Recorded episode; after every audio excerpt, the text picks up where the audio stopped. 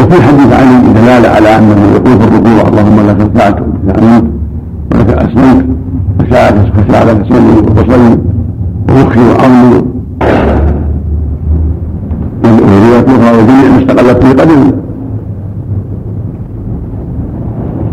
وكذلك يقول السبيل نحو ذلك اللهم لك سرت ولك امنت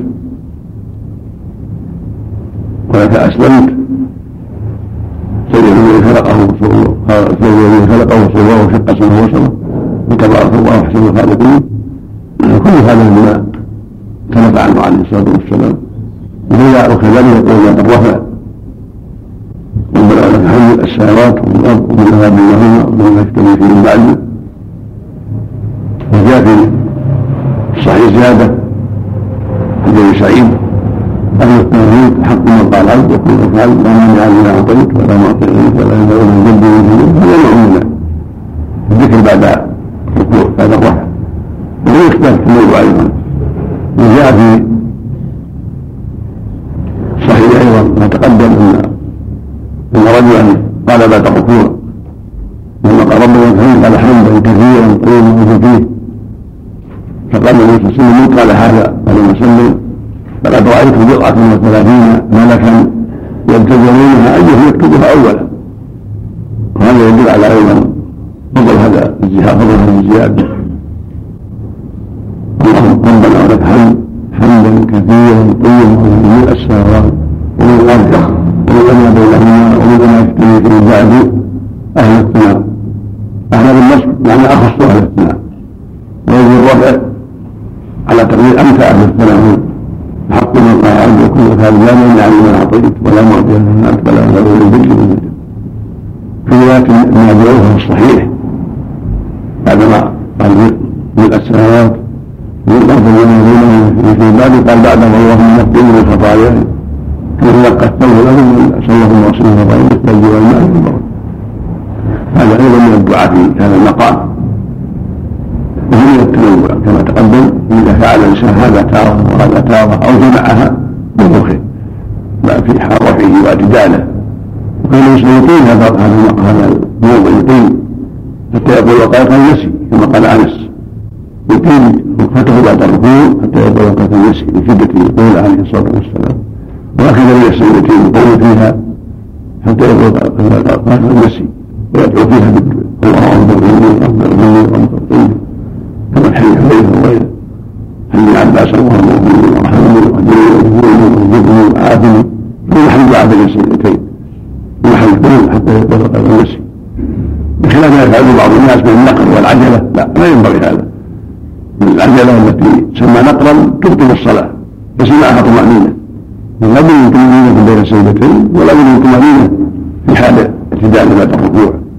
ويكفي فيها بما نقيم من الأذكار في الوقوف من الدعاء في السجدتين وأما سبحانك اللهم وبحمدك ظاهر فيه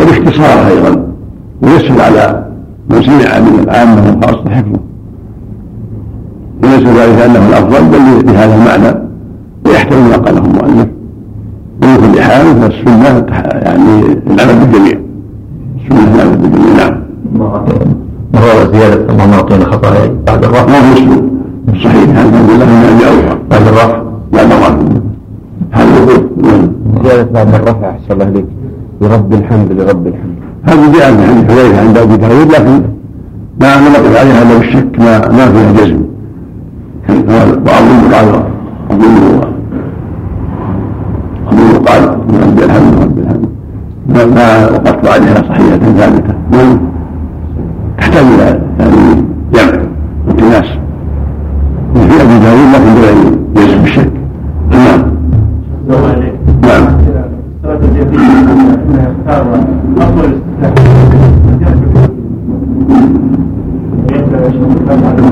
لا يختص الاولاد اختار النبي صلى الله عليه وسلم ما حضر عنه في الفرائض الا اللهم بعد بيني وبين خطاياي سبحانك اللهم وبحمدك وفي الليل جاء حديث عائشه اللهم رب الجنود حديث ابن عباس اللهم لك جاء في تهجد الليل عليه الصلاه والسلام لكنه عليه الصلاه والسلام لا باس صوت حديث عائشه اللهم رب الجنود ليس في قلب كثير مثل اللهم بعد بيني قال نعم نعم الشافعية نعم يقول بعد وجهات وجهي ويجلسون على وأنا من المسلمين ونص الحديث هو هل يجوز هذا؟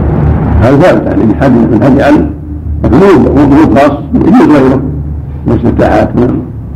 نص نص. نعم. يكون على وأنا من المسلمين بس. لا لا السنة يكمل السنة التكميل ولهذا قال بعضهم أمركم من سيأتي واحد كاملا. بخلاف ما في أحد علي وابن عباس فإن قد يختصروا والمطلوب إكماله. الوجوه التي رجح بها أثر الله. سبحانه وتعالى استفتاح الله مثل طبعا عمر الجماعة نعم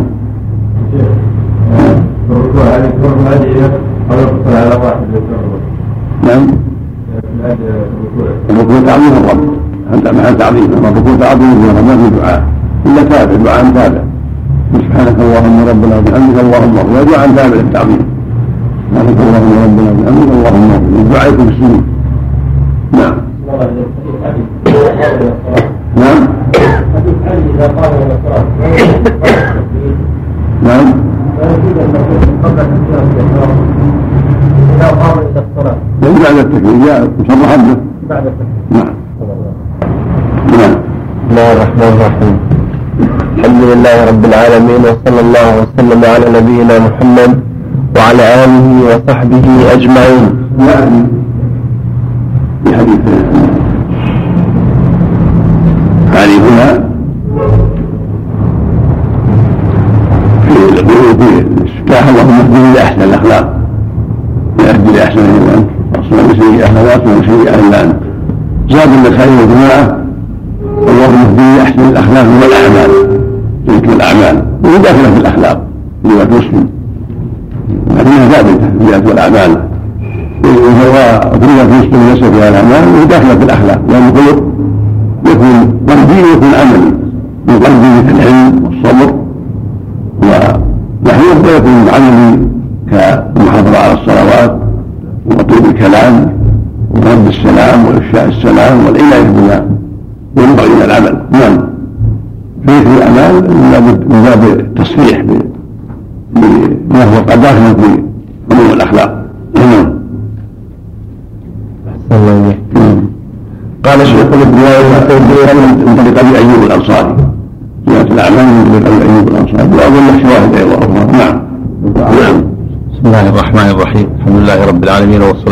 والسلام على نبينا محمد وعلى آله وصحبه أجمعين.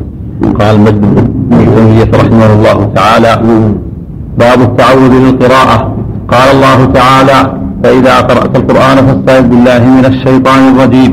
وعن أبي سعيد الخدري رضي الله عنه عن النبي صلى الله عليه وسلم أنه كان إذا قام إلى الصلاة استفتح ثم يقول أعوذ بالله السميع العليم من الشيطان الرجيم من همزه ونفخه ونفثه رواه أحمد والترمذي. وقال ابن المنذر جاء عن النبي صلى الله عليه وسلم أنه كان يقول قبل القراءة أعوذ بالله من الشيطان الرجيم. وقال الأسود رأيت عمر رضي الله عنه حين يفتتح الصلاة يقول سبحانك اللهم وبحمدك وتبارك اسمك وتعالى جدك ولا إله غيرك ثم ثم يتعوذ. رواه الدار قطني. باب ما جاء في بسم الله الرحمن الرحيم. عن انس بن مالك رضي الله عنه قال صليت مع النبي صلى الله عليه وسلم وابي بكر وعمر وعثمان فلم أسمع أحدا منهم يقرأ بسم الله الرحمن الرحيم. رواه أحمد والنسائي بإسناد على شرط الصحيح. وفي لفظ صليت خلف رسول الله صلى الله عليه وسلم وخلف أبي بكر وعمر وعثمان فكانوا لا يجهرون ببسم الله الرحمن الرحيم. رواه أحمد والنسائي بإسناد على شرط الصحيح. ولأحمد ومسلم صليت خلف النبي صلى الله عليه وسلم وأبي بكر وعمر وعثمان فكانوا يستفتحون بالحمد لله رب العالمين لا يذكرون بسم الله الرحمن الرحيم في أول قراءة ولا آخرها.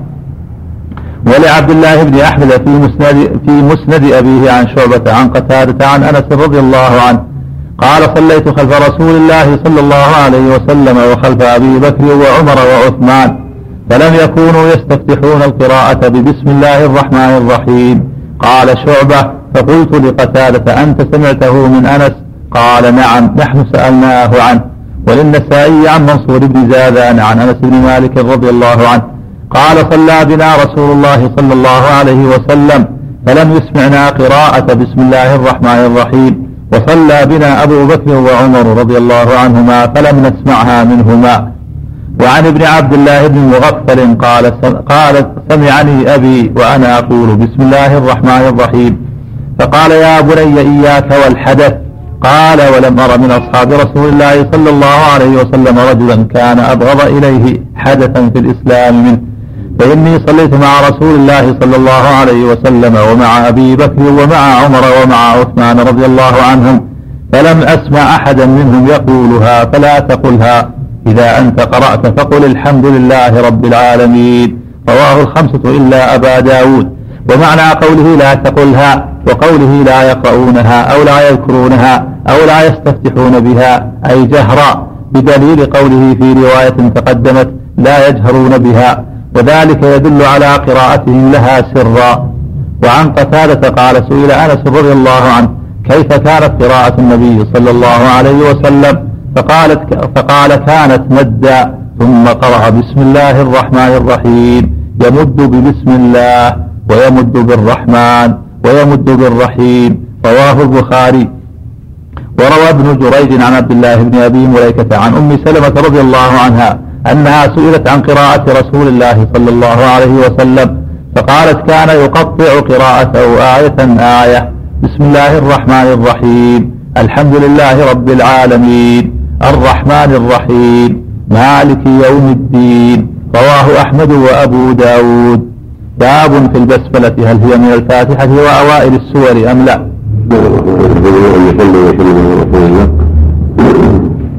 ذكر المؤلف رحمه الله ما يتعلق بالاستعاذة والبسملة الاستعاذة سنة قبل القراءة وفي حديث أبي سعيد من جاء بمعناه من ال عمر وفيها نص القرآن فإذا قرأته ونستعين بالله من الشيطان الرجيم. فالسنة للإمام والمؤمن والمنفرد بعد الاستفتاح يستعيذ ويقول أعوذ بالله من الشيطان الرجيم. ثم يسمي بسم الله الرحمن الرحيم. أو يقول كما في حديث سعيد أعوذ بالله من أعوذ بالله السميع العليم من الشيطان الرجيم. من همزه ونفسه ونفسه ثم يسمي ثم يقرأ. هكذا السنة. ولكن إذا قرأت إن أردت وإما في الحديث إذا دخل الغائط قال كذا وكذا إذا أراد دخول الغائط فالفعل إذا أتى بعد إذا قد يكون المؤدي ما يتعلق بالإرادة. يعني إذا أردت قراءة وإذا أردت الدخول ليس المراد إذا فرغ من القراءة كما ظنه بعض الناس. ولهذا كان يستعين اولا ثم يصلي ثم يقرأ عليه الصلاة والسلام. هذا هو السنة. والسنة الاصرار بها ويسر بها ولا يجهر. كما في أحاديث أنس وحديث عبد الله بن مغفل وغيرها وفي حديث عائشة الصحيح أيضا كان لا يجهر بالنسبة له يبدأ القراءه الحمد لله وهكذا الخلفاء. وذلك دليل على أنهم كانوا يسرون بالتسبيح ولا يجهرون بها. وإنما جهر بها أبو هريرة في التعليم وقال إنه يشبع الله صلى الله عليه وسلم والظاهر أنه أراد بذلك عموم الصلاة وكافه أعمالها. وليس مراده نفس الجهر بالتسبيح أو جهر بها بالتعليم. والتفهيم إنها تقال. السنة أن يبدأ بالحمد. وهكذا بقية السور. وتوسل التسبيح سرا. ولو جهر بها بعض أهل التعليم جعل له الحول أنه يقرأها فلا بأس. من باب التعليم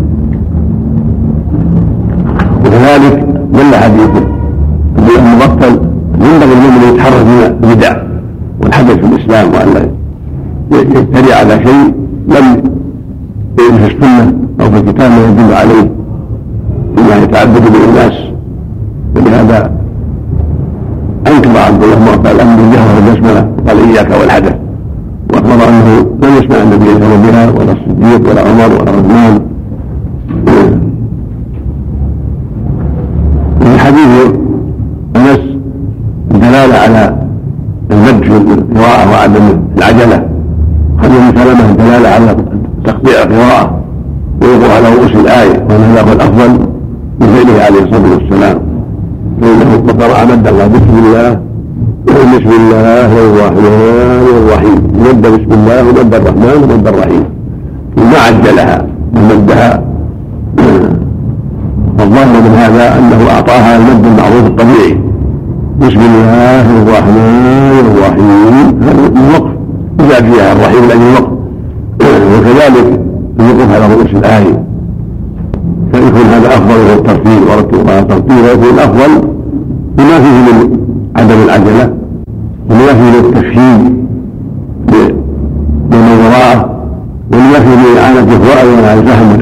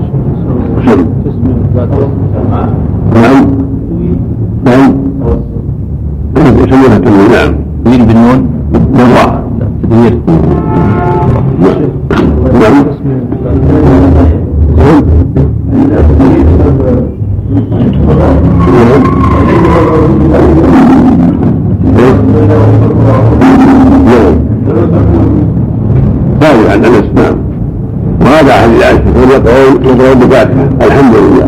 يسرون التسبيح. نعم. هذا لهم يتعلق من بعض الروايات الموقوفة على بعض الصحابة. رواية أبي هريرة انه جهر وغير من ذلك جاء في صلاه رسول لكن ليس بصريح. هذه الروايه ليس بصريح. لا تصح منه نعم. واحد كثير نعم الامر واسع في هذا لكن السر افضل نعم سر السنة لا لا. تسمية آية مستقلة. من الفاتحة ولا مستقلة. إلا أن يأتي كلام إلا أن بعض آية من سورة النور يأتي كلام بهذا في الدرس الآتي نعم. نعم. الاستعاذة في كل في خلاف أهل العلم السنة في الأولى فقط أما أما الركعات الأخرى يكفي تكفي التسمية إن شاء الله. هذا هو الأرجح وإن استعاذ فلا بأس. إن استعاذ في الركعات الأخرى فلا بأس. ليس هناك مانع. لكن ظاهر الصلاة تشبه القراءة الواحدة. فإذا استعاد في أولها هذا هو الأمر الأمر عند أهل العلم. تكفي الاستعادة في الركعة الأولى. والبسملة كذلك. وإن استعاد في الثانية والثالثة فلا بأس. الأمر واسع إن شاء الله. والبسملة كذلك لعموم الآية فإذا قرأت القرآن نعم البسملة كذلك نعم البسملة كذلك نعم البسملة كذلك هذا التسبيح يكررها عند كل سورة عند يبدأ كل سورة لكن يبدأ سورة يكرر التسبيح نعم إلا عند براءة نعم من الشافعية في آداب القرآن الله تعالى بيده وغيره رواية أخرى عن بعض الصحابة موقوفة شيخ أحسن الله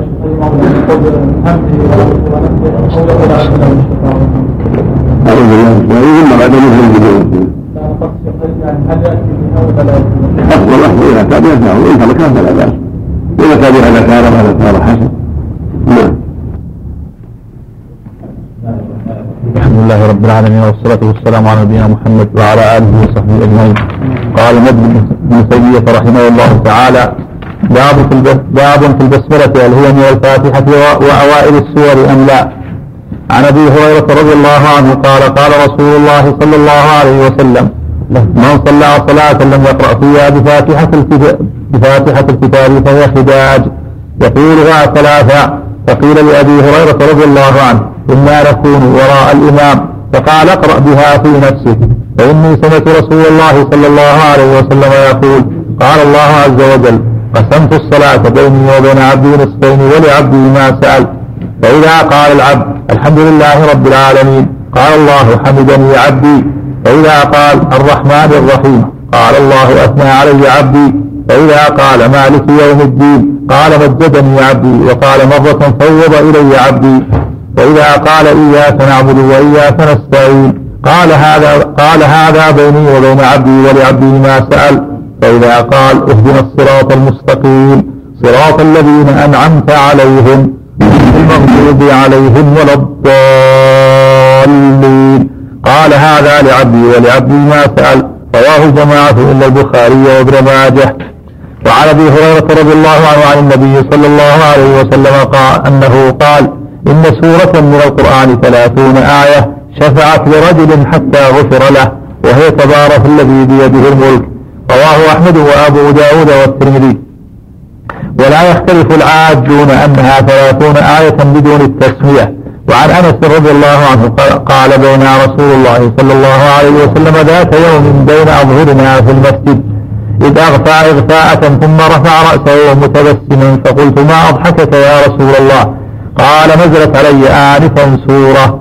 فقرأ بسم الله الرحمن الرحيم. إنا أعطيناك الكوثر. فصل لربك وانحر إن شانئك هو الأبتر ثم قال أتدرون ما الكوثر؟ قال وذكر الحديث رواه أحمد ومسلم والنسائي. وعن ابن عباس رضي الله عنهما قال كان رسول الله صلى الله عليه وسلم لا يعرف فصل السورة حتى تنزل عليه بسم الله الرحمن الرحيم. رواه أبو داود. باب وجوب قراءة الفاتحة. عن عبادة بن الصامت رضي الله عنه أن النبي صلى الله عليه وسلم قال لا صلاة لمن لم يقرأ بفاتحة الكتاب رواه الجماعة. وفي لفظ لا تجزي صلاة لمن لم يقرأ بفاتحة الكتاب رواه الدار قطني وقال إسناد صحيح وقال إسناد صحيح. وعن عائشة رضي الله عنها قال قالت سمعت رسول الله صلى الله عليه وسلم يقول من صلى صلاة لم يقرأ فيها بأم القرآن فهي خداج. رواه أحمد وابن ماجه. وقد سبق مثله من رواية أبي هريرة رضي الله عنه. وعن أبي هريرة رضي الله عنه أن النبي صلى الله عليه وسلم أمره أمره أن يخرج فينادي لا صلاة إلا إلا بقراءة فاتحة الكتاب فما زاد. رواه أحمد وأبو داود. باب ما جاء في قراءة الإمام وإنصاته إذا سمع إمامه. أما بعد هذه الأحاديث تتعلق ببيان أن التسمية ليست من الفاتحة وليست من السور ولكنها فاصلة بين السور. وبيان وجوب قراءة الفاتحة المأموم والإمام والمنفرد. هذه الحال التي ذكرها المؤلف واضحة في دلالة على أن التسمية بسم الله الرحمن الرحيم ليست من الفاتحة. لأن الرسول عليه الصلاة والسلام قال يقول الله عز وجل قسمت الصلاة يعني الفاتحة. سماها الصلاة يعني ركن الصلاة. بيني وبين عبد نصفين فإذا قال العبد الحمد لله رب العالمين. قال الله حمدني عبد. وإذا قال الرحمن الرحيم قال الله أثنى علي عبد. وإذا قال مالك يوم الدين قال مجدني عبد. أو قال كبر إلي عبدي إلى آخر السورة. فلم يذكر التسبيح. قال الحمد فإذا قال الحمد لله. دل على أن أول الفاتحة الحمد لله. وفي هذا أن الحمد لله رب العالمين الرحمن الرحيم مالك يوم الدين كله ثناء على الله. والرحمن الرحيم سمي ثناء لأنه فيه التكرار تثنية الثناء ذلك فيه التمجيد مجدني لأن كثرة الثناء تمجيد يثنى عليه وهو, وهو الأحق لهذا سبحانه وتعالى. أما إياك نعبد وإياك نستعين فهي بين العبد وبين ربه. إياك نعبد حق الرب وإياك نستعين حاجة العبد. يحتاج إلى الاستعانة بربه. وهو المعين سبحانه. ولولا أن العبد فقير وأن الله غني قادر لما صار للاستعانة محل. فلما شرع الاستعانة عرف أن العبد في حاجة إليها وأنه سبحانه قادر على كل شيء. ويعطي عبده ما يشاء. وهو قادر على كل شيء سبحانه وتعالى. وهو وعد الله لعبده لأنه يعطي ما سأل. وهو الصادق في وعده وإن تأخرت الإجابة لحكم وأسرار وهو قال ادعوني أستجيب لكم إذا سألك إذا عني فإني قريب. وعلم الإنسان يدعو كثيرا في بعض المسائل فلا يحصل مطلوب لا لإخلاف من الله ولكن لحكم وأسرار. بل يوجه الجواب بحكمة وأن يعطى العبد كلا ما سأل قد تؤجل القلب إلى الآخرة. ربك حكيم عليم. ولو أن كل أحد يعطى ما سأل في الدنيا لاختل هذا العالم. فإن الإنسان يسأل أشياء ويضره نفوذها. المقصود أن أن الرب جل وعلا حكيم عليم. يجيب السائل إذا شاء ويؤدي المسألة إذا شاء. ويحرمه الجواب إذا شاء لحكمته وأسرار أو لذنوب فعلها أو لأسباب أخرى. ولهذا في الحديث الصحيح يقول عليه الصلاة والسلام ما من حديث سعيد ما من عبد الله بدعوة. ليس فيها إثم ولا قطيعة رحم إلا أعطاه الله بإحدى ثلاث إما أن تعجل له دعوته في الدنيا وإما أن تدخل له في الآخرة وإما يصرف يشتري في ذلك. قال يا رسول الله إذا نكثر قال الله. فيدل على الدعاء لا يضيع مطلوب. ونافع وليس بضايع. إذا كان دعاء صالحا ليس فيه إثم ولا قطيعة رحم هو لا يضيع لكن قد تؤجل الإجابة وقد يعطى غير ما طلب. رحمة من ربه لأنه أحكم وعلا سبحانه وتعالى. قد تؤجل الطلبة إلى الآخرة. قد يحرم بأسباب ذنوبه كما قال عز وجل وما أصابكم من مصيبة فإن كتبت أيديكم ويعفو عن كثير. فعدم الإجابة من المصائب التي تحل بالعبد بأسباب الذنوب. هذه الصحيحة من حديث ثوبان إن العبد يحرم الرزق من كل يصيبه والله صادق في وعده وله الحكمة البارقة في تعجيل الإجابة وتأخيرها وصرفها إلى غيرها وعدم الإجابة لمانع صار ذلك. ثم قال اهدنا الصراط المستقيم صراط الذين أنعمت عليهم غير المغضوب عليهم ولا الضالين. قال هذا لعبد ولعبد أسد. كل هذا بالدعوه من العبد حاجة العبد هو مضطر إلى الهداية. ومن صار الله صادقا هداه. ويسر أمره. والشاهد أنه دليل على أن التسبيح ليست من الفاتحه ولكن من آية مستقلة. وهكذا جملة الأحاديث الدالة يقول هذا في الباب حديث عائشة. كان يفتتح الصلاة التكبير والقراءة بالحمد لله. يدل أن التسبيح ليس من ذلك. كذلك عدم جهر بها يقرأ جهرا السور والفاتحة ولا يجهر بها. لو كانت فيها لجهر بها. وأما نزولها ما إن اعطيناك الكوثر فهذا مثل نزولها ما بقيه السور. فاصل من السور. كان لا يعرف فصل هذه السورة هذه السورة إلا بالتسمية وهو جزء من آية من سورة النمل يعظ آية. قال تعالى إنه من سليمان وإنه بسم الله الرحمن الرحيم والحديث الأخيرة دالة على وجوب الفاتحة. وأن الواجب على المصلين أن يقرأوها. سواء كان المصلي إماما أو مأموما أو منفردا. هذا الذي عليه جمهور أهل العلم. في حق الإمام المنفرد أن عليه يقرأها. خلافا للاحناف في أنه يقرأ ما تيسر. بل الواجب يقرأ الفاتحه كما قاله جمهور أهل العلم.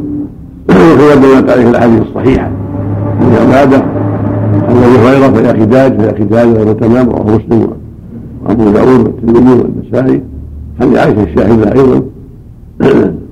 مع الأحاديث الأخرى الدالة على ذلك. أما المأمون فاختلف العلماء. هل تجب عليه أم لا؟ هذا الأكثر إلى انها لا تجب عليه وأن الإمام يتحملها عنه. وذهب آخرون كالشافعي رحمه الله والبخاري وجماعة إلى أنه لا بد من قراءته له. والأدلة تعم الذي يتأمل المأمون كما تأمل الإمام المنفرد. وجاء صريحا في ذلك. حديث عبادة لعلكم تقرؤون خلف يقول نعم قال لا تفعلوا من فتحة الكتاب. فإنه لا صلاة لمن لم يقرأ بها حديث أبي هريرة منكر وصلى صلاة من خداج من الخداج عام. ولهذا لما سئل أبو هريرة عن ذلك قال اقرا بها في نفسه. وهذا هو الصواب. الصواب أنه إنه تلزمه لكن تسقط عنه. إذا نسي أو جهل أو يدرك الإمام في الركوع ليس وجوبها عليه وجوبها على الإمام على الإمام دون ذلك. مثل وجوب. الشهد الأول ونحوه. هي في حكم واجبات الحق. ولهذا إذا نسيها أو فاتته مع الإمام ولم يحضر له الركوع سقطت عنه. أو تركها تقليدا أو اجتهادا ما لا تجب. عنه نعم. قول في الحديث إن سوره ثلاثين آية صحيح هذا الحديث لا لا لا. لا أعلم فيه. لا أعلم الآن في القادحة راجعته قديما ولا اتذكر في قال لا بأس به. كان الحشي عليه. كل بعد الحشي في السوره تبارك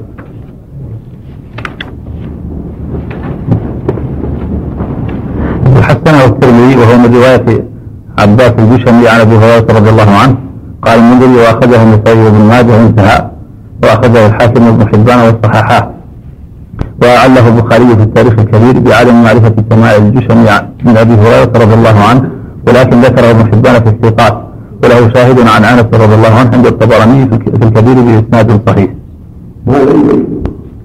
وهذا ثم الأصل مع المعاصرة اللقاء كما هو طريقة مسلم. الأصل مع المعاصرة في اللقاء والسماع هذا هو الأصل. ولهذا جرى على هذا مسلم رحمه الله وجماعة آخرون. وأن التابع إذا عاصر الصحابي وروى عنه ولم يعرف بالتدليس فهو محمول على السماع إلا إذا عرف عنه التدليس. نعم. عفى الله وجوب وجوب الفاتحة على نعم. وجوب الفاتحة على المأمون في الصلاة السرية والجهرية على حد سواء. نعم. هذا الصواب. كان خلافا الوجوب مطلقا وعلى الوجوب مطلقا والتفصيل بين الجهرية والسرية والصواب في الجميع. يعني بظاهر الله نعم. قصد الوجوب يعني المخفف هل هو وجوب مخفف بالنسبة للصلاة السرية هل هو وجوب؟ في السرية والجهرية جميعا. يقرأ إذا سكت كلامه فإذا يسكت قرأ ثم أنصت. يكون وجوبها أقوى على في السرية أقوى من وجوبها في الجهرية لكن وجه أقوى من جهه السبيل لا يمنع وجود الله استدل بأن البسملة من السورة بحديث سورة الكوثر. قال نعم منه ابتداء مع الكوثر مع بقية السور مع البقرة ومع النساء ومع بقية السور كل سورة ما زال معها التسمية ما عدا البراءة في محل الإسكان نعم.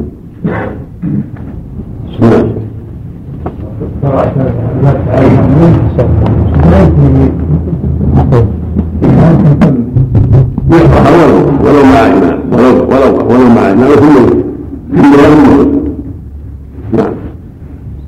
قول الشيخ فما زاد يعني مستحب زيادة فما لا مستحب لا ما يكون الواجب نعم.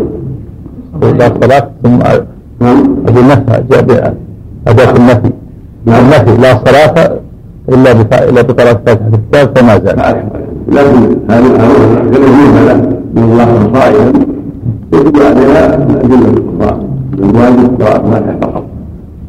بقي سنة نعم. لا صلاة إلا فاتحة الكتاب. سكت عليه الصلاة والسلام. حديث من قرأ في الخداع إلى آخره؟ ولم يكن هذا يجمع بينهما بهذا زادة مستحبة والفرض الفاتحة المستحبة يكون ربان لا بأس هذا الرابع إلا بالنور حيث أبي سعيد بن تقدم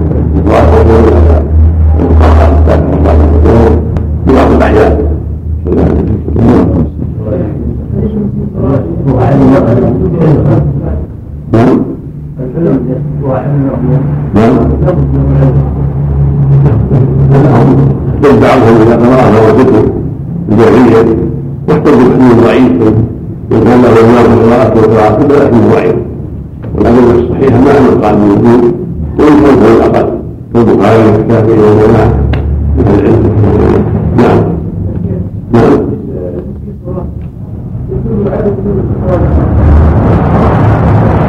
هي النقرة في أم القرآن وهو شاء الله. هذا وهذا ويستغرق يستر الفاتحة الأحاديث يستر بعضها بعضا. هذا من حجة الأحناف ولكن الأحاديث يستر بعضها بعضا. عن السنة والجماعة وأهل الحق. يستر المجمل بالمبين لا يأخذ المجمل يخلي المبين. ومن طريقة أهل البدع وأهل التقليد الأعمى مع أهل الحق. يفسر لما أجمل بأشياء مفسرة واضحة. نعم. ويقيد العام.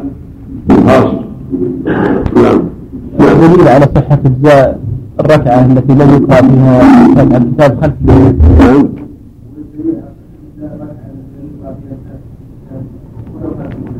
حديث البكرة جاء النبي راكع وأمره ألا لا تدخل الحسن ولا تعد ولم يمر بقضاء الركعة على هذا الذي به الجمهور ومثل الجمهور على هذا حتى الشافعي قال موجوداته أن إذا خلف فاته القيام أجزأه نعم. بعض الأئمة يستعجل كثيرا فلا تدرك هل الحق معه أو تكمل؟ لا اقرأها اقرأها ولو ولو ولو قبله. يصير لا لا تكون أنت خمر خليك جدي تقرأها ولو معك الفاتحة ولو معك بعد الفاتحة ولو في أول الركعة بعد الاستفتاح تقرأها تحتاط بينك ولو ولو ولو جاهد نفسك جاهد نفسك حتى تقرأها حتى تدرك الواجب وإذا كان ينصح ينصح تنصحونه تكون أنت معك شيء واحد تنصحونه بلا تعجل نعم. الله بسم الله الرحمن الرحيم. الحمد لله رب العالمين وصلى الله وسلم على نبينا محمد وعلى آله وصحبه أجمعين. قال شيخ الإسلام ابن تيمية رحمه الله تعالى ثم قال ذكر مقالة أهل السنة وأصحاب الحديث. بعض العلم يرى من بعض الأئمة نقص ينصحه ولكن إذا تيسر أن يكون بينه وبينه خاصة سرا يكون طيب أو يكون معه واحد آخر يكون نصيحة أكمل. إن رأى من تقصير القراءة أو لحن نصحه إن رأى من عجلة نصحه. رأى من غير ذلك نصح الدين النصيحة المسلمون شيء واحد. لا ينبغي الغفلة أو التساهل أو سوء الظن إنه لا يقبل. لا. الإنسان ينصح والله موفق. نعم. أحسن الله إليك. بسم الله الرحمن الرحيم. الحمد لله رب العالمين والصلاة والسلام على نبينا محمد وعلى آله وصحبه أجمعين. قال النبي ابن تيمية رحمه الله تعالى باب ما جاء في قراءة المأمون وإنصافه إذا سمع إمامه. عن أبي هريرة رضي الله عنه أن رسول الله صلى الله عليه وسلم قال إنما جعل الإمام ليؤتم به فإذا كبر فكبروا وإذا قرأ وإذا قرأ فأنصتوا. رواه الخمسة إلا الترمذي. وقال مسلم هو صحيح. وعن أبي هريرة رضي الله عنه أن رسول الله صلى الله عليه وسلم انصرف من صلاة جهر فيها بالقراءه فقال هل قرأ معي أحد منكم آنفا؟ فقال رجل نعم يا رسول الله. قال فإني أقول ما لي أنازع القرآن. قال فانتهى الناس عن القراءة مع رسول الله صلى الله عليه وسلم فيما يجهر فيه رسول الله صلى الله عليه وسلم من الصلوات بالقراءة حين سمعوا ذلك من رسول الله صلى الله عليه وسلم. رواه أبو داود والنسائي والترمذي وقال حديث حسن. وعن عبادة رضي الله عنه قال صلى رسول الله صلى الله عليه وسلم الصبح فثقلت عليه القراءة. فلما انصرف قال إني أراكم تقرؤون وراء إمامكم. قال قلنا يا رسول الله إي والله. قال لا تفعلوا إلا بأم القرآن فإنه لا صلاة لمن لم يقرأ بها. رواه أبو داود والترمذي والبخاري في جزء القراءة وصححه. وله شواهد عند أحمد وابن حبان. وفي لفظ فلا تقرأوا بشيء من القرآن إذا جهرت به إلا بأم القرآن. رواه أبو داود والنسائي والدار قطني وقال كلهم ثقات. وعن عبادة رضي الله عنه أن النبي صلى الله عليه وسلم قال لا يقرأن أحد منكم شيئا من القرآن إذا جهرت بالقراءة إلا بأم القرآن. وعن عبادة رضي الله عنه أن النبي صلى الله عليه وسلم قال لا يقرأن أحد منكم شيئا من القرآن إذا جهرت بالقراءة إلا بأم القرآن. رواه الدار قطني وقال رجاله كلهم ثقات. وروى عبد الله بن شداد رضي الله عنه أن النبي صلى الله عليه وسلم قال من كان له إمام فقراءة الإمام له قراءة. وروى عبد الله بن شداد أن النبي صلى الله عليه وسلم قال من كان له إمام فقراءة الإمام له قراءة. رواه الدار قطني. وقد روي مسندا من طرق كلها ضعاف والصحيح أنها أنه مرسل. وعن عمران بن حسين رضي الله عنه أن النبي صلى الله عليه وسلم صلى الظهر فجعل رجل خلفه يقرأ سبح اسم ربك الأعلى فلما انصرف قال أيكم قرأ وعن عمران بن حسين رضي الله عنه. أن النبي صلى الله عليه وسلم صلى الظهر فجعل رجل يقرأ خلفه سبح اسم ربك الأعلى. فلما انصرف قال أيكم قرأ أو أيكم القارئ؟ قال رجل أنا.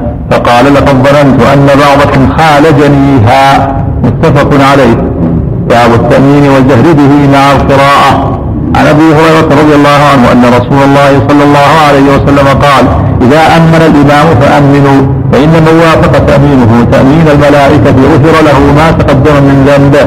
وقال ابن شهاب كان رسول الله صلى الله عليه وسلم يقول آمين. رواه الجماعة إلا, إلا أن الترمذي لم يذكر قول ابن شهاب. وفي رواية إذا قال المأموم إذا قال الإمام غير المغضوب عليهم ولا الضالين فقولوا آمين. فإن الملائكة تقول آمين.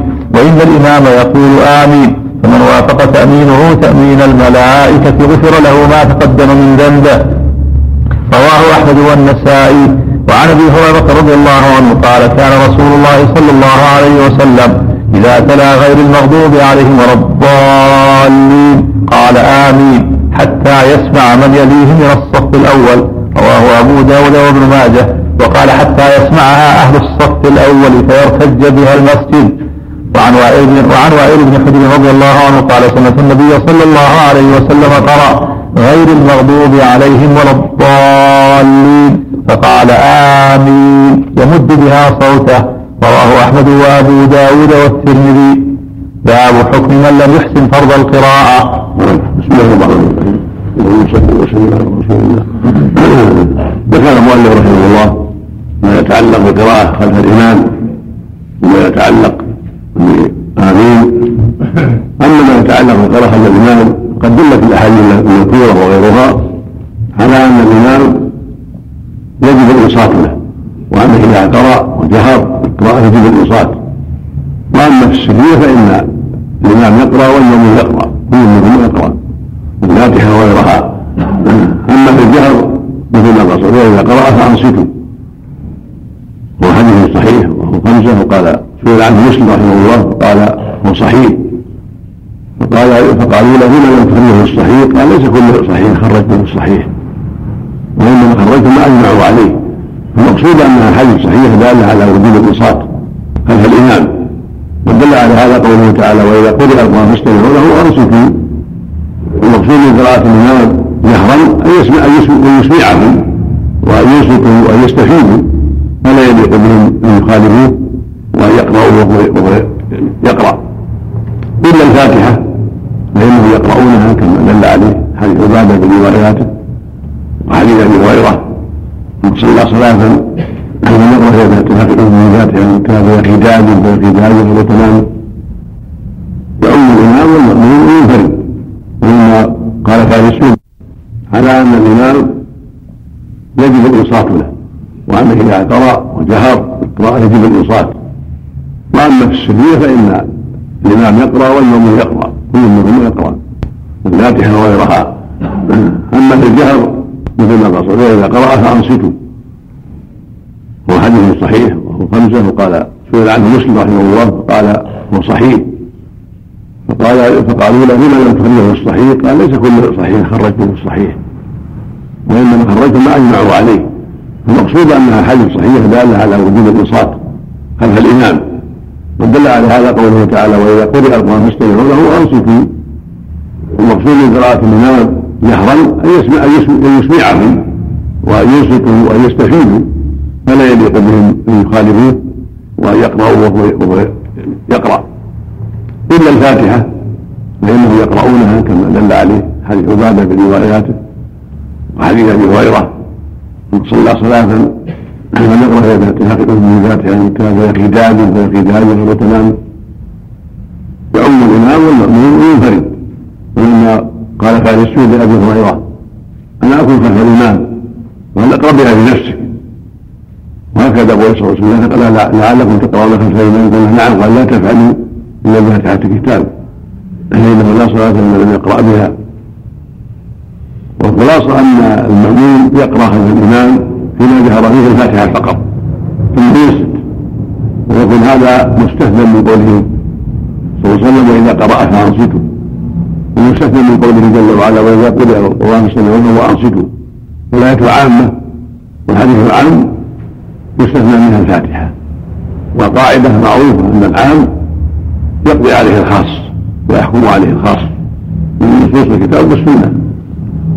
ومن زاد على الفاتحة فإنه لا يقرأه.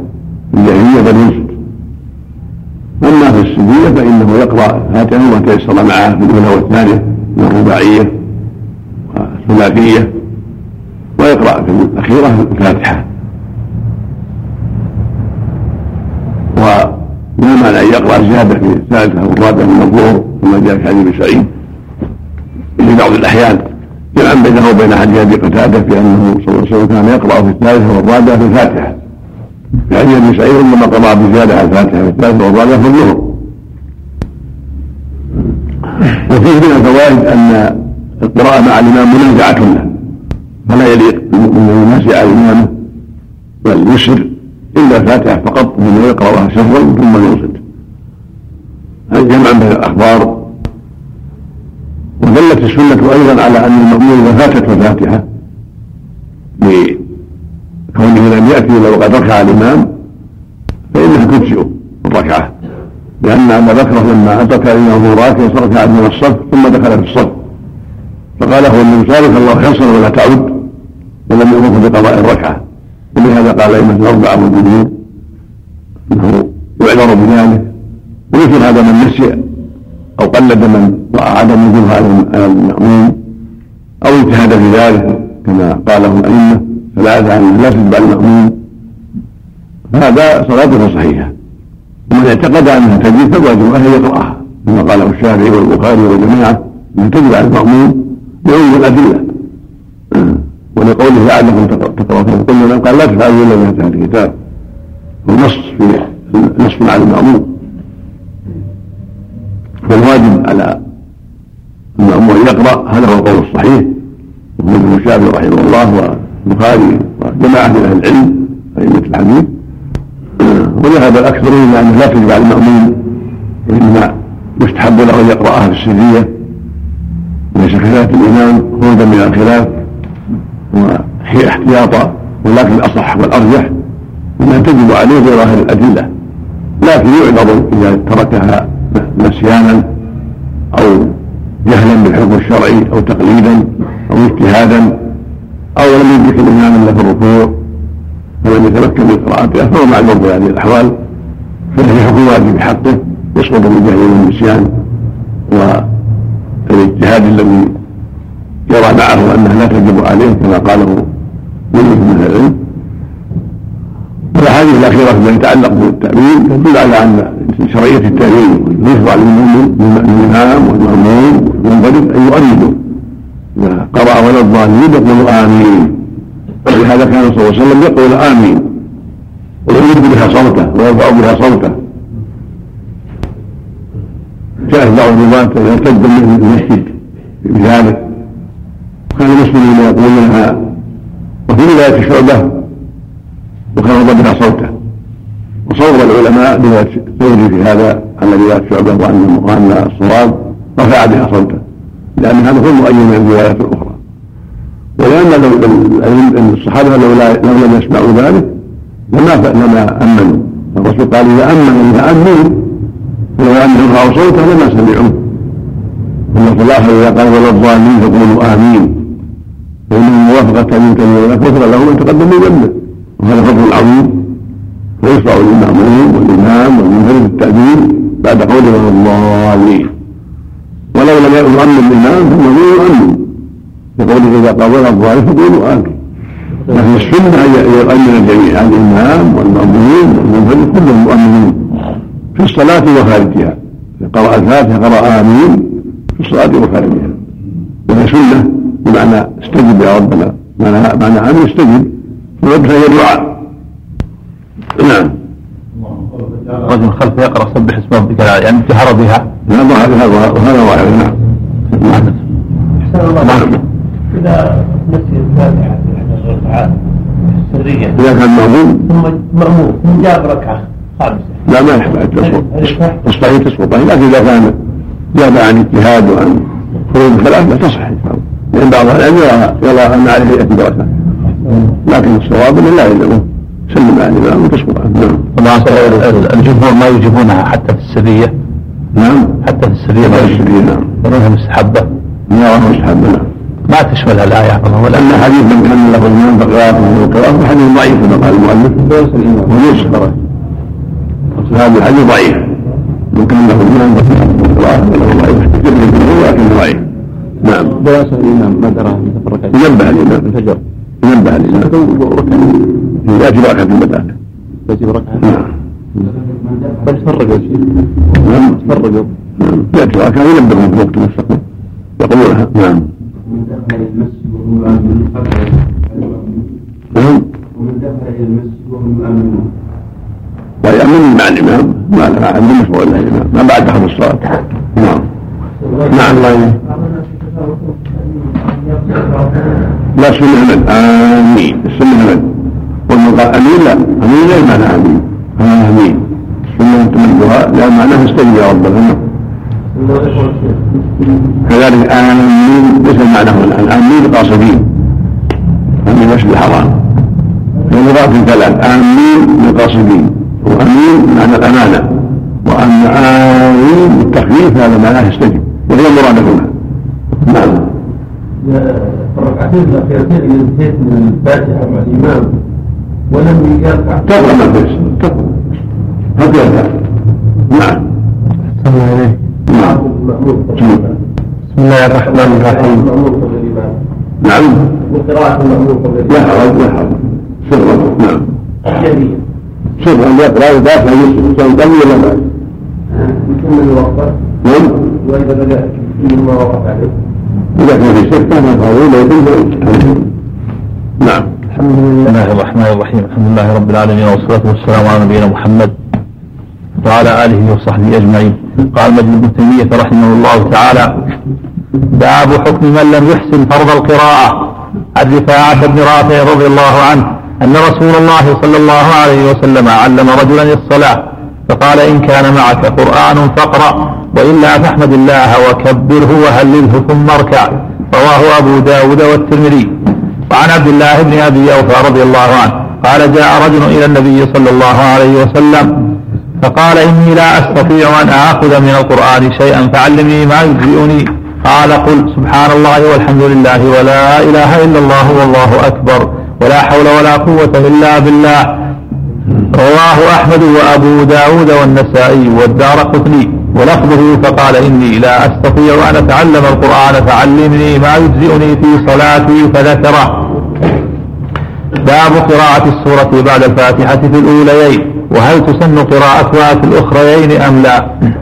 عن أبي قتادة رضي الله عنه أن النبي صلى الله عليه وسلم كان يقرأ في الظهر في الأوليين بأم الكتاب وسورتين وفي الركعتين الأخريين بأم الكتاب ويسمعون الآية أحيانا ويطول في الركعة الأولى ما لا يطيل في الثانية وهكذا في العصر وهكذا في الصبح. متفق عليه. ورواه أبو داود وزاد قال فظننا أنه يريد بذلك أن يدرك الناس الركعة الأولى. وعن جابر بن سمرة رضي الله عنه قال قال عمر لسعد رضي الله عنهما لقد شكوك في كل شيء حتى الصلاة قال أما أنا فأمد في الأوليين وأحذف في الأخريين ولا آل ما اقتديت به من صلاة رسول الله صلى الله عليه وسلم. قال صدقت ذلك الظن بك أو ظني بك. متفق عليه. وعن أبي سعيد الخدري رضي الله عنه أن النبي صلى الله عليه وسلم كان يقرأ في صلاة الظهر في الركعتين الأوليين في كل ركعة قدر ثلاثين آية وفي الأخريين قدر قراءة خمس عشرة آية أو قال نصف ذلك. وفي العصر في الركعتين الأوليين في كل ركعة قدر قراءة خمس عشرة آية وفي الأخريين قدر نصف ذلك. رواه أحمد ومسلم. باب قراءة سورتين في ركعة وقراءة بعض السورة وتنكيس السور في ترتيبها وجواز تكريرها. هذه الأحاديث الحديث الأول والثاني فيما يتعلق بمن عجز عن القراءة وحديث سائر بن رافع وحديث عبد الله بن أبي اوفى رضي الله عنهما وهما دالان على أن من عجز عن القرآن قرأ ما تيسر من الذكر. ولهذا في حديث فاعل إن كان القرآن فاقرا وإن الحمد الله وكبره وكبره وقطعه من حديث المسيء في صلاته من روايه قراءة رفاعه فرواه رفاعه ورواه أبو هريرة رضي الله تعالى عنه. وهكذا حديث عبد الله بن أبي اوفى انه قال رسول الله اني استطيع ان يقول شيئا فعلمه يقول سبحان الله والحمد لله ولا إله إلا الله والله اكبر ولا حول ولا قوة إلا بالله. حديث عبد الله بن ابي فيه بعض اللين ولكنه منجبر من رواية رفاعة بن رافع وبحديث المسيء عموما. وهذا هو الواجب من استطاع أن يقرأ وجب عليه أن يقرأ الفاتحة كما أخبر النبي صلى الله عليه وسلم. لا صلاة لمن يقرأ فاتحة الكتاب وأن يتعلمها ويلزمه ذلك. فاذا صادف الوقت حضر الوقت ولم يحسن ذلك قرأ ما قاله النبي صلى الله عليه وسلم ما تيسر سبحان الله والحمد لله ولا إله إلا الله والله أكبر.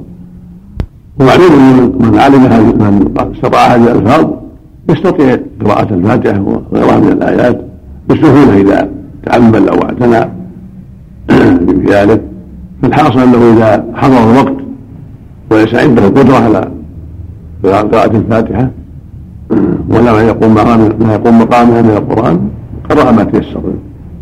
ذكر قرأ هذا الذكر الذي بينه النبي صلى الله عليه وسلم يقول الله تعالى فاتقوا الله ما استطعتم. لا يكلف الله نفسا إلا وسعها. وكل ذكر لكن أفضل الذكر كلام الله عز وجل. ثم بعد ذلك الأذكار التي بينها النبي صلى الله عليه وسلم سبحان الله والحمد لله ولا إله إلا الله والله أكبر. فقال عليه الصلاة والسلام أحب كلام الله أربع سبحان يعني بعد كلام الله بعد القرآن أحب كلام أربع سبحان الله والحمد لله ولا إله إلا الله والله اكبر هذه الشعر أفضلها قول لا إله إلا الله. وليس معنى ذلك أنه يهمل ويترك بل يجب عليه يتعلم يعتني عملا بالأدلة الأخرى التي فيها الدلالة على وجوب قراءة الفاتحة. بل يؤمن هكذا تعلم تفكر في دينه كما علم من الأدلة الأخرى وإذا صادف وقت الصلاة أنه عاجز أتى بهذه الأذكار التي بينها النبي عليه الصلاة والسلام. وفي الحديث الحديث الأخرى دلالة على أن المشروع للإمام والمأموم والمنفرد أن يقرأ في الأولى والثانية في الفاتحة وما تيسر معها وأنه صلى الله عليه وسلم يقرأ الفاتحة وسورتين الأولى والثانية وكان يطول الأولى أكثر الظهر والعصر والعشاء ففي الظهر والعصر والفجر. فدل ذلك على أنه هو السنة أن يمد في الأولى والثانية ويحدث في الأخرى في الأخرين كما قال سعد رضي الله عنه سعد بن أبي وقاص. فإن أهل الكوفة اشتكوا في أشياء كثيرة ومن جملة ذلك قالوا لا يحسن الصلاة. كان يقول مفترين فقال عمر في ذلك فقال إني أمده في الليل وأحدث في الأخرين ولا آل أن أقترب برسول الله صلى الله عليه وسلم في ذلك. قال ذاك الظن بك يا أبا أسحاق. ولا شك أن هذا هو عمله رضي الله عنه. فالسنة للإمام وهكذا المنفرد أن يصلي كما صلى النبي صلى الله عليه وسلم. ويطول في الأولى بعض الشيء ويحدث في الثانية بعض الشيء والظهر والعصر والفجر وهكذا في المغرب والعشاء كما فعل النبي صلى الله عليه وسلم في هذه الفروض والسنة أيضا أن يحدث الأخريين يعني الثالثة والرابعة ويقرأ فيها فاتحة الكتاب كما في حديث أبي قتادة. ولا مانع من أن يقرأ فيهما ولو الثانية بقراءة متقاربة. كما وقع النبي صلى الله عليه وسلم في صلاة الجمعة فإنه قرأ بسبح والغاشية والجمعة والمنافقين وهما متقاربتان. في الجمعة في الغاشية الغاشية أطول قليلا فدل على التسامح في هذه الأمور وأن لا بأس أن يقرأ بسورتين متقاربتين بعد الفاتحة الركعتين أو تكون الأولى أطول قليلا في بعض الأحيان لا يضر لكن الأفضل والقاعدة المستمرة القاعدة أن تكون الأولى أطول من الثانية. ولعل من الحكمة كما قال بعض الرواة أن يدرك من قصد الصلاة لأنه إذا طول في الأولى كان أقرب إلى إدراك من جاء من الصلاة لجميع الصلاة. وهذا أمر معروف كان يطول هذا معروف عنه عليه الصلاة والسلام. وفيه أنه يسمع الآية بعض الأحيان حتى يعلموا قراءته وأنه قرأ بكذا وقرأ بكذا. ويستحب الإمام يسمع الناس الآية أحيانا حتى يعلموا أنه قرأ بهذا بهذا الشيء من القرآن. وفي حديث أبي سعيد الدلالة على أن الثالثة والرابعة من الظهر قد يقرأ فيهما زيادة لأنه كان يقرأ في الأولى والثانية قدر ثلاثين آية وفي الأخرين قدر النصف من ذلك والنصف من ذلك خمسة عشر آية. وهذا أكثر من الفاتحة مثل الفاتحة مرتين. فدل على أنه يقرأ في الثالثة والرابعة بعض الأحيان زيادة. فلا منافاة بينه وبين حديث أبي قتادة وحديث أبي قتادة أصح ولا منافاة. فالغالب أنه يقرأ الفاتحة فقط في الثالثة والرابعة وقد يقرأ الزيادة في الثالثة والرابعة الظهر مثل الشمس والضحاها مثل والضحى مثل إذا نزلت وأشباهها زيادة على الفاتحة في الثالثة والرابعة. أما العصر فكان لا يقرأ زيادة إنما يقرأ الفاتحة فقط في الثالثة والرابعة. وهكذا في المغرب. والعشاء يرد ما يدل على أن يقرأ زيادة. وذكر وذكر مالك رحمه الله في الموطأ أن الصديق رضي الله عنه ربما قرأ في المغرب الثالثة بعد الفاتحة ربنا لا تزغ قلوبنا بعد إذ هديتنا وهب لنا من لدنك رحمة إنك أنت الوهاب. ذكره مالك عن عن الصديق رضي الله عنه بإسناد إليه هذا يدل على من الصديق أنه لا بأس لو قرأ شيء يسيرا في الثالثة. كما قرأ النبي والرابعة في العشاء من غير الظهر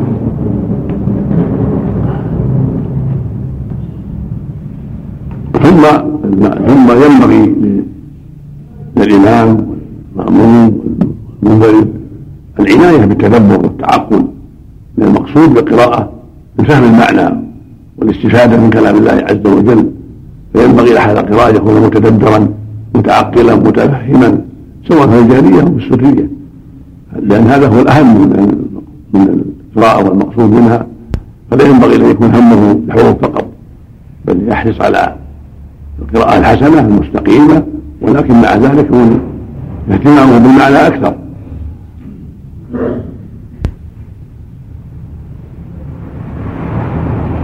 وأما المأمون تقدم ما يتعلق بالمأمون أنه يقرأ فيما جهر فيه يقرأ الفاتحة فقط على الصحيح واختلفوا في وجوبها عليه وتقدم أن الأرض وجوبها إلا من عذر كمن من يدرك إلا الركوع وكمن نسي ذلك أو اجتهد في في عدم قراءتها على القول بعدم وجودها فإن صلاته تصح بناء على اعتقاده وعلى ما حصل له.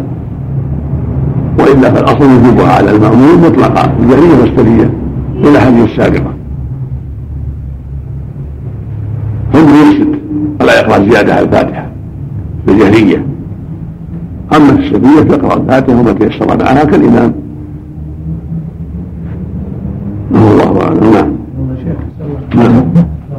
نعم. نعم. لا بأس. الواجب عند العلماء الفاتحة فقط. إذا اقتصر عليها أجزأت لكن ترك السنة نعم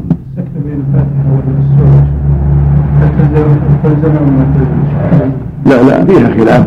ولم يكن فيها شيء. بين الفاتحة والسورة ما لم يكن فيها شيء من جهة السكتة. إنما ثبت عنه سكتتان عليه الصلاة والسلام. الأولى بعد الإحرام وهذه ثابتة بالنص حديث أبي هريرة وغيره. يقرأ فيها الاستفتاح. والسكتة الثانية أن الأرجح بعد نهاية القراءة عند قبل الركوع يسكت قليلا سكتة لطيفة ثم يكبر. لا يتصل التكبير بالقراءة بل يفصل بين القراءة والتكبير لأنها قراءة سكت قليلا ثم كبر. أما ما بعد الفاتحة فهذا في خلاف. جاء في بعض الروايات من رواية قتادة أن أن هناك سكتة بعد الفاتحة ولكن ليس ليست ثابتة. واختلف العلماء فيها. منهم من رأى أن يسكت بعد الفاتحة حتى يقرأ الامام حتى يقرأ المامون الفاتحة ومنهم من لم يرى ذلك. والأصل عدم شرعية السكته بعد الفاتحه هذا هو الأصل. ومن سكت عملا من قال لا من أهل العلم فلا بأس. الامر في هذا واسع إن شاء الله. نعم. الجمهور يجيبون يجيبون الفاتحة السرية.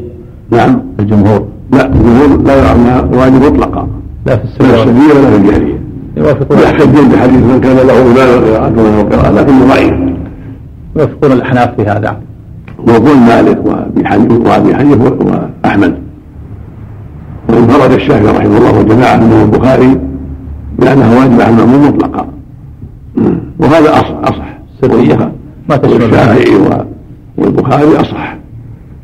وجوبها مطلقا وقال قول تجب في السريه دون الجهريه فالاقوال ثلاثة. وجوبها مطلقا وهو ارجح وجوبها السريه دون الجهريه هو قول الجماعه وعدم وجوبها مطلقا هو قول الأكثر. الحديث من كان له الإمام فقراءته قراءة لا لكن مثل تقدم مرسل ضعيف. نعم. أدلة الجمهور عفوا نعم. أدلة الجمهور ما تتناول السرية.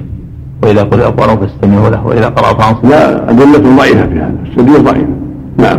ولهذا قول الصحيح الصواب أنه واجب مطلقا. ويميل القول بأنها واجبة في السرية دون الجاهلية أما القول بأنها لا مطلقا حتى السرية ضعيف مخالف الأدلة. نعم. القراءة أحسن الله إليك في الثالثة والرابعة في العشاء بعد الفاتحة. مثل الظهر والعصر ما ما نعلم ما نعلم فيه إلا على خلاف ذلك. مثل قراءة الظهر والعصر الفاتحة. نعم. قل يا شيخ بارك الله فيك. نعم. القراءة في في ما يقرأ في العصر في الثالثة والرابعة؟ ظاهر السنة ما يقرأ. حديث لا فاتحة فقط. مقتضى حديث أبي سعيد يا شيخ أنه بيقرأ 15 آية سبعة في كل ركعة أو ثمانية في الأخيرة. في هذا في الأخيرة سبع. هذا مقدار الفاتحة. الكلام على ما بعد الفاتحة حفظك الله سبع آيات مقدار الفاتحة ما في من شيء الكلام على ما بعد الفاتحة لأنه ما بعد شيء هذه خمسة عشر في الأولى والثانية يقرأ في الأولى والثانية في العصر على قدر الأخرى من الظهر خمسة عشر آية وفي الثالثة والرابعة قدر قدر آيات على النصف من ذلك لسبع آيات فوق الفاتحة لا لا من القراءة كلها في تفسير في رواية أبو سعيد في حديث آخر يا شيخ حفظك الله أنه قال قدر سورة السجدة. فمفهوم أن هذا بعد الفاتحة. قدر من السجدة هذا في الأولى إيه إيه يعني المفهوم أنه بعد الفاتحة. في الثالثة والرابعة. في العصر. يعني. لكن مفهوم ذلك يعني ما بعد الفاتحة لأنه قال قدر سورة السجدة. يقين ما في العصر إلا إلا سبع آيات فقط. بس انتهمتها نعم نعم. بسم الله الرحمن الرحيم. بسم الله الرحمن الرحيم. الحمد لله رب العالمين. والصلاة والسلام على نبينا محمد وعلى آله وصحبه أجمعين. قال مجد بن تيمية رحمه الله تعالى باب قراءة سورتين في ركعة وقراءة بعض سورة وتنكيس السور في ترتيبها وجواز تكريرها. عن أنس رضي الله عنه قال كان رجل من الأنصار يؤمهم في مسجد قباء فكان كلما افتتح سورة يقرأ بها لهم في الصلاة مما يقرأ به. افتتح بقل هو الله أحد حتى يفرغ منها ثم يقرأ سورة أخرى معها فكان يصنع ذلك في كل ركعة. فلما أتاهم النبي صلى الله عليه وسلم أخبروه الخبر فقال وما يحملك على لزوم هذه السورة في كل ركعة؟ قال إني أحبها. قال حبك إياها أدخلك الجنة. رواه الترمذي وأخذه البخاري تعليقا. وعن حذيفة رضي الله عنه قال صليت مع النبي صلى الله عليه وسلم ذات ليلة فافتتح البقرة فقلت يركع عند المئة ثم مضى. فقلت يصلي بها في ركعة فمضى. فقلت يركع بها فمضى. ثم افتتح النساء فقرأها. ثم افتتح آل عمران فقرأها مترسلا. إذا مر بآية فيها تسبيح سبح. وإذا مر بسؤال سأل. وإذا مر بتعوذ تعوذ ثم ركع فجعل يقول سبحان ربي العظيم فكان ركوع فكان ركوعه نحو من قيامه. ثم قال سمع الله لمن حمده ربنا لك الحمد. ثم قام قياما طويلا قريبا مما ركع. ثم سجد فقال سبحان ربي الأعلى فكان سجوده قريبا من قيامه. رواه أحمد ومسلم والنسائي. وعن رجل من جهينة رضي الله عنه أنه سمع النبي صلى الله عليه وسلم يقرأ في الصبح. إذا زلزلت الأرض في الركعتين كلتيهما قال فلا أدري أنسي رسول الله صلى الله عليه وسلم أم قرأ ذلك عمدا. رواه أبو داود. وعن ابن عباس رضي الله عنهما أن النبي صلى الله عليه وسلم كان يقرأ في ركعتي الفجر في الأولى منهما. قولوا آمنا بالله وما أنزل إلينا. الآية التي في البقرة. وفي الآخرة آمنا بالله واشهد بأننا مسلمون. وفي رواية كان يقرأ في ركعتي الفجر قولوا آمنا بالله وما أنزل إلينا والتي في آل عمران. تعالوا إلى كلمة سواء بيننا وبينكم. رواهما أحمد ومسلم. باب جامع القراءة في الصلوات. عن جابر بن سمرة رضي الله عنه أن النبي صلى الله عليه وسلم كان يقرأ في الفجر بقاف والقرآن المجيد ونحوها وكانت صلاته بعد إلى تخفيف. وفي رواية كان يقرأ في الظهر بالليل إذا يغشى وفي العصر نحو ذلك وفي الصبح أطول من ذلك رواهما أحمد ومسلم. وفي رواية كان إذا دحضت الشمس صلى الظهر وقرأ بنحو, بنحو منه والليل إذا يغشى والعصر كذلك والصلوات كلها كذلك إلا الصبح فإنه كان يطيلها. رواه أبو داود. وعن جبير بن مطعم رضي الله عنه قال سمعت, سمعت رسول الله صلى الله عليه وسلم يقرأ في المغرب والطور رواه الجماعة إلا الترمذي. وعن ابن عباس رضي الله عنهما أن أم الفضل بنت الحارث سمعته وهو يقرأ والمرسلات عرفا. فقالت يا بني لقد ذكرتني بقراءتك هذه السورة إنها لآخر ما سمعت من رسول الله صلى الله عليه وسلم يقرأ بها في المغرب رواه الجماعة إلا ابن ماجه. وعن عائشة رضي الله عنها أن رسول الله صلى الله عليه وسلم قرأ في المغرب بسورة الأعراف فرقها في الركعتين رواه النسائي. وعن ابن عمر رضي الله عنهما قال كان النبي صلى الله عليه وسلم يقرأ في المغرب قل يا أيها الكافرون وقل هو الله أحد رواه ابن ماجه. وفي حديث جابر رضي الله عنه أن النبي صلى الله عليه وسلم قال يا معاذ أفتان أنت؟ أو قال أفاتن أنت؟ فلولا صليت بسبح اسم ربك الأعلى والشمس وضحاها والليل إذا يغشى. متفق عليه. وعن سليمان بن يسار عن أبي هريرة رضي الله عنه قال ما رأيت رجلا أشبه صلاة برسول الله صلى الله عليه وسلم من فلان في إمام كان بالمدينة. قال سليمان فصليت خلفه فكان يطيل الأوليين من الظهر ويخفف الأخريين ويخفف العصر ويقرأ في الأوليين من المغرب بقصار المفصل.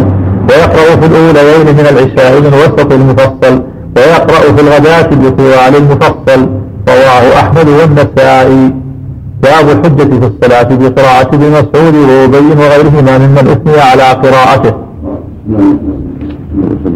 هذه هذا البابان هذه الأحاديث كلها تتعلق بالقراءة في الصلاة. ويدل على سنته صلى الله عليه وسلم في ذلك. الحديث الأول الدلالة؟ حديث انس اول في قصة الرد الرد عند أم قومه؟ فيه الدلالة على أنه لا مانع أن يقرأ الإنسان بسورتين في ركعه بعد الفاتحة. ولا مانع أن يقرأ قل هو الله في كل ركعة مع الفاتحة. لأن هذا هذا الإمام كان يقرأ بهم الفاتحة ثم يقرأ قل هو الله أحد ثم يقرأ ما تيسر معها وفإذا كان يقرا ما تيسر ثم يقرا يختم هو الله أحد. تارة يقدمها وتارة يؤخرها كما في الصحيح. فقال له جماعة لماذا تقرأ بها ثم لا تكتفي بها؟ تقرأ معها شيئا آخر؟ فإما أن تقرأ بها وحدها وإما أن تدعها وتقرأ غيرها قال لا. لا دعوها فإن شئتم صليتم منكم وإن شئتم تركتكم وكان يقول أفضل منكم. وكره أن يؤمر غيره فتركوا من أمه وسأل النبي صلى الله عليه الصلاة والسلام. فسأله لماذا لم تطاوع قومك؟ قال لأنها صفة الرحمن. قال أحب أن أقرأها. قال حبك إياها أدخلك الجنة. ولو أحبها. قال حبك إياها أدخلك الجنة. مثل قال إن الله يحبك.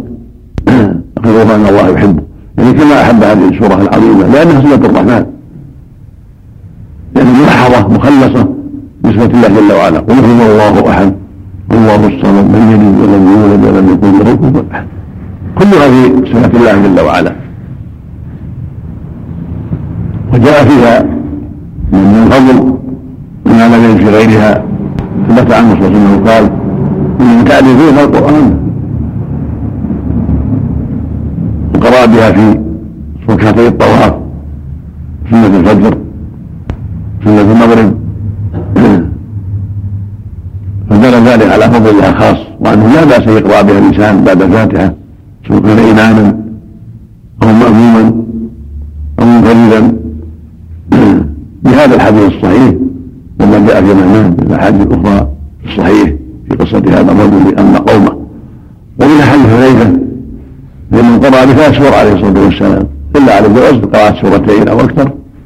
فإن قرأ بالبقرة وبآل عمران وبالنساء عليه الصلاة والسلام وقدم النساء على آل عمران. فلا على الجواز تقديم بعض السور على بعض خلاف ما رتب في المصحف. الصحابة رتبوا بالاجتهاد هذا هو الصواب الذي عليه الجمهور من العلم والمرتب بالاجتهاد رتبه الصحابة بالاجتهاد فلو قدم بعض السور على بعض فلا حرج. لكن الأفضل أن يقرأه كما رتب. ثبت عن عمر انه ربما قرأ سورة النحل قبل سورة يوسف. قرأ النحل ركعة في الركعه الأولى ثم يوسف في الركعه الثانية. المقصود ان إنه لا بأس بعدم الترتيب في السور لأنه بالاجتهاد أما الآيات بالنص تقرا هذه الآية بأمر النبي في مكان ذا ومكان كذا. وفيه أيضا من الفوائد الترتب في, في القراءة والترسل. وانه كان عليه الصلاة والسلام يقرأ مترسلا مع هذا الطول. قرا بالبقرة بالنساء وبالعراق في ركعة واحدة. في تهجده بالليل وهذا ليس بدائم إنما في بعض الليالي وقع في بعض الليالي كما قال حذيفة. وكان يقرأ مترسلا مرتلا عليه الصلاة والسلام يمر بآية التسبيح فيسبح بآية الرحمة فيسأل بآية التعوذ فيتعوذ. وهذه قراءة عظيمة ثم ركع ركوعا قريبا من قيامه ثم رفع قريبا من ركوعه واثنى على الله ثم سجد وكان يقول سبحان ربي العظيم السجود سبحان ربي الاعلى وكان يدعو في السجود عليه الصلاه والسلام وكان يقول سبحانك وفي السجود أيضا سبحانك اللهم ربنا وبحمدك اللهم اغفر لي ويقول سبحانك ذي الجبروت والملكوت لكن فيهما جميعا في الركوع والسجود ويقول سبحانك القدوس ربنا لا يكفر كل هذه جاء في الروايات الأخرى الصحيحه هذا يدل على أن في الليل وهو خيره مثل ما قال في حديث معاذ. إذا صلى وحده فليطول ما شاء. إذا كان يصلي وحده فلا بأس. كل حول صلى معه. إذا كان مسعود لا يمنع لانها نافلة. من شاء ترك.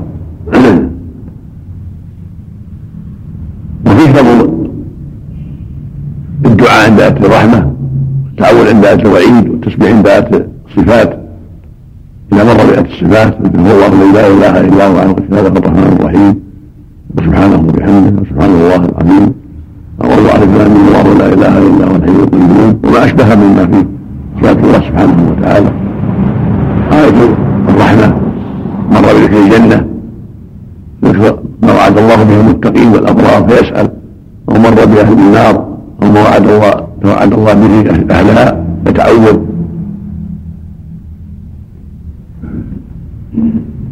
وفي حديث المهني النبي صلى الله عليه وسلم قرأ بالزلزلة في ركعتين جميعا كررها. وحديث صحيح رواه أبو داود بإسناد جيد ليس فيه مطعن. ويدل على جواز تكرار السورة. والأصل أنه ليس بشاق فعل هذا يعلم الناس بالجواز فإذا قرأ في الركعة الأولى مثلا بالزلزله ثم اعادها في الثانية أو قرأ في الاولى والشمس وضحاها واعادها في الثانية أو بغيرهما فلا بأس.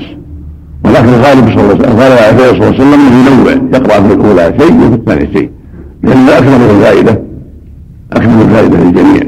لكن لو فعل إنسان ذلك لو كرر السورة في ركعه في جميعا فلا بأس كما فعله المصطفى عليه الصلاة والسلام.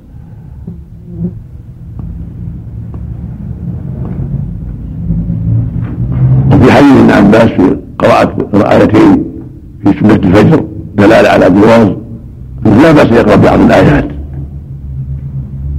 فإن قراءة الأولى اللهم بالله من شر وفي الثالث بأهل الكتاب تعالوا. وربما قرأ فيهما بقول يا أيها الذين قول الله كله ثابت عنه صلى الله عليه وسلم. فهذا يدل على أنه لا بأس أن يقرأ بالسور أو يقرأ بالآيات.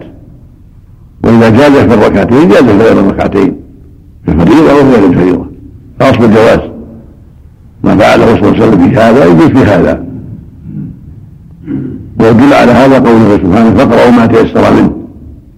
عمق قراءة الآيات قراءة السور وقراءة بعض السور. عمق قراءة السورة أولها قراءة آخرها قراءة وسطها كله عام. فاقرأوا ما تيسر منه. وهكذا هو صلى الله عليه وسلم في حديث المسيء ثم اقرأ ما تيسر معك من القرآن اقرأ بأم القرآن وبما شاء الله. كل واضح في هذا.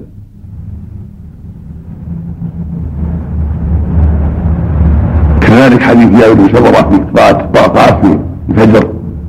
وكان صلاته بعد العشاء التخفيف كان يقرأ في الفجر بالطوال والمفصل. أن يقرأ فيها بالستين في حديث البرزة حديث جابر. طول الصبح. وهذا جاء في عدة أحاديث.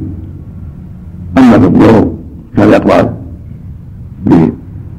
والليل إذا أغشاه ما معناه يعني بأوساط مفصل. وربما قرأ بأطول من ذلك. كما في حديث سلام بن يسار عن هريرة كان يطول في الظهر ويخفف في العصر. حديث أبي سعيد ربما افتتح الصلاة الظهر ويذهب أحد من البقية ليتوضأ في الأولى. فبعض الأحيان يطول في الظهر عليه الصلاة والسلام وفي الأولى خاصة. حتى يتلاحق الناس وفي بعضها بعض الأحيان وفي كثير من الأحيان يقرأ بالأوساط مثل هل أتاك حديث غاشية يسبح اسم ربي الأعلى؟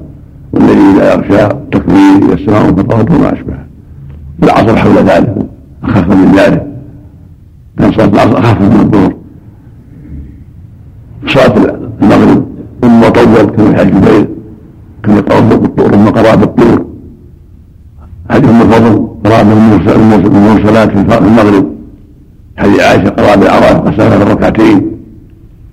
وهكذا رواه البخاري عن زيد بن ثابت أنه قرأ بطول الطولين وهي الأعراف. كل هذا يدل على أن صلى الله عليه وسلم لا يلزم حالة واحدة. فالإمام لا يلزم حالة واحدة. تارة وتارة تارة. يطول في بعض الأحيان. إذا صارت المناسبة واتية وتارة يختصر مثل ما قرأ في فجر من زلزلة والفجر يطول فيها لكن في بعض الأحيان خفف فيها عليه الصلاة والسلام. كذلك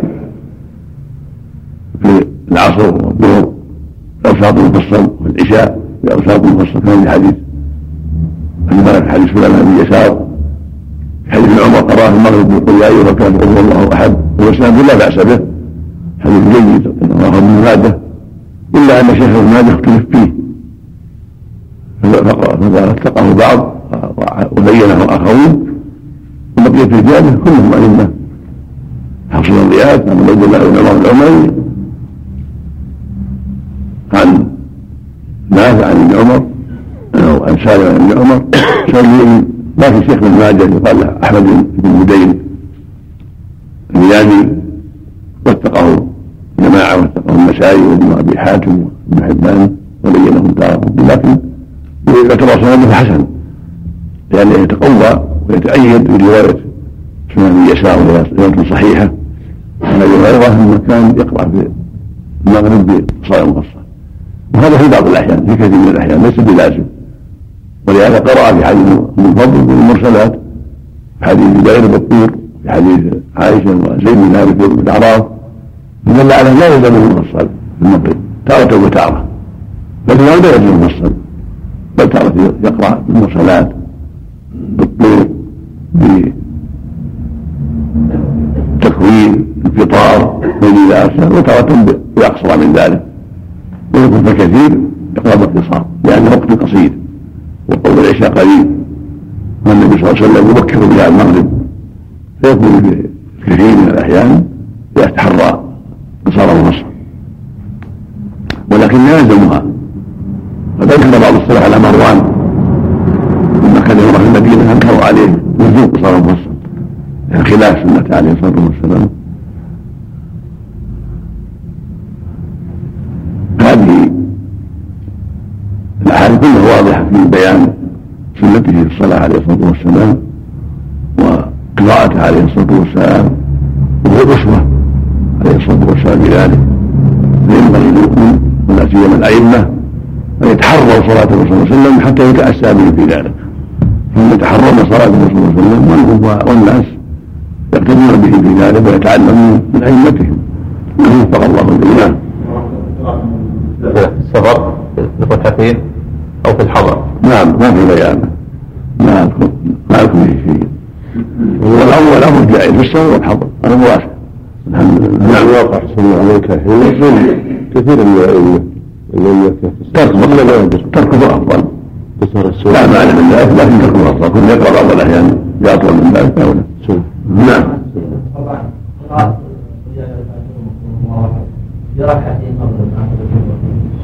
لا لا نعم. جاء بعض الاحاديث ولا بأس به. نعم. نعم. إذا طول الهلال من يقال في بعض الروايات ما صلى الا أربع حتى حتى طلع الفجر طول فيه في بعض ما صلى الا ركعتين نعم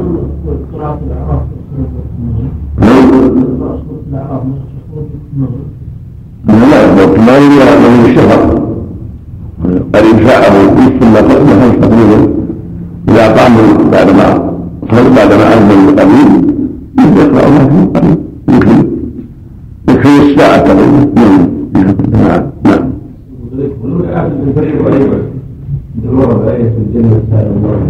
غير محفوظ عنه صلى الله عليه وسلم محفوظ عنه في التهجد بعض أهل العلم قالوا يقاس عليه الفرض وانه لا باس يسال بالفرض حتى قال بعضهم يعرف في الخلاف ولكن الافضل عدم فعل الفرض لأنه لو فعله الفرض لم يقبل الصحابه ما صلى شيء لو فعل هذا في الفرض وكان يقف عند كل إيه في الفرض لنقلوه ما تركوه لانهم رضي الله عنهم نقلوا كل شيء ما تركوا شيئا.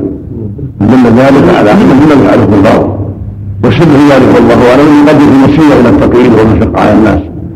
ولهذا تركه الفرض بخلاف يصلي وحده في الليل أو في النهار أمر واسع نعم. سبب موجود في الفرض كونه يتأثر بآية رحمة أو عذاب. فيملك نفسه عند ذلك من أن يتعوذ أو من يسأل الله. قد يقال النادر لا حكم له أو شيء يغلب على الإنسان ما حكم له. فالاصل عدم شرعية هذا في الفرائض لأنه لو فعل نقل. ومن قال بشرعيته قال الأصل إن ما فعل في النافله جاز الفرض هذا هو الأصل. لأن الأصل أنه ما سوى إلا ما خص الدليل والذي قال بأن يجب عليك من الغلط قال فصل الدليل لأن نقل الصحابة حجة كما لا تكره حجة نعم نعم.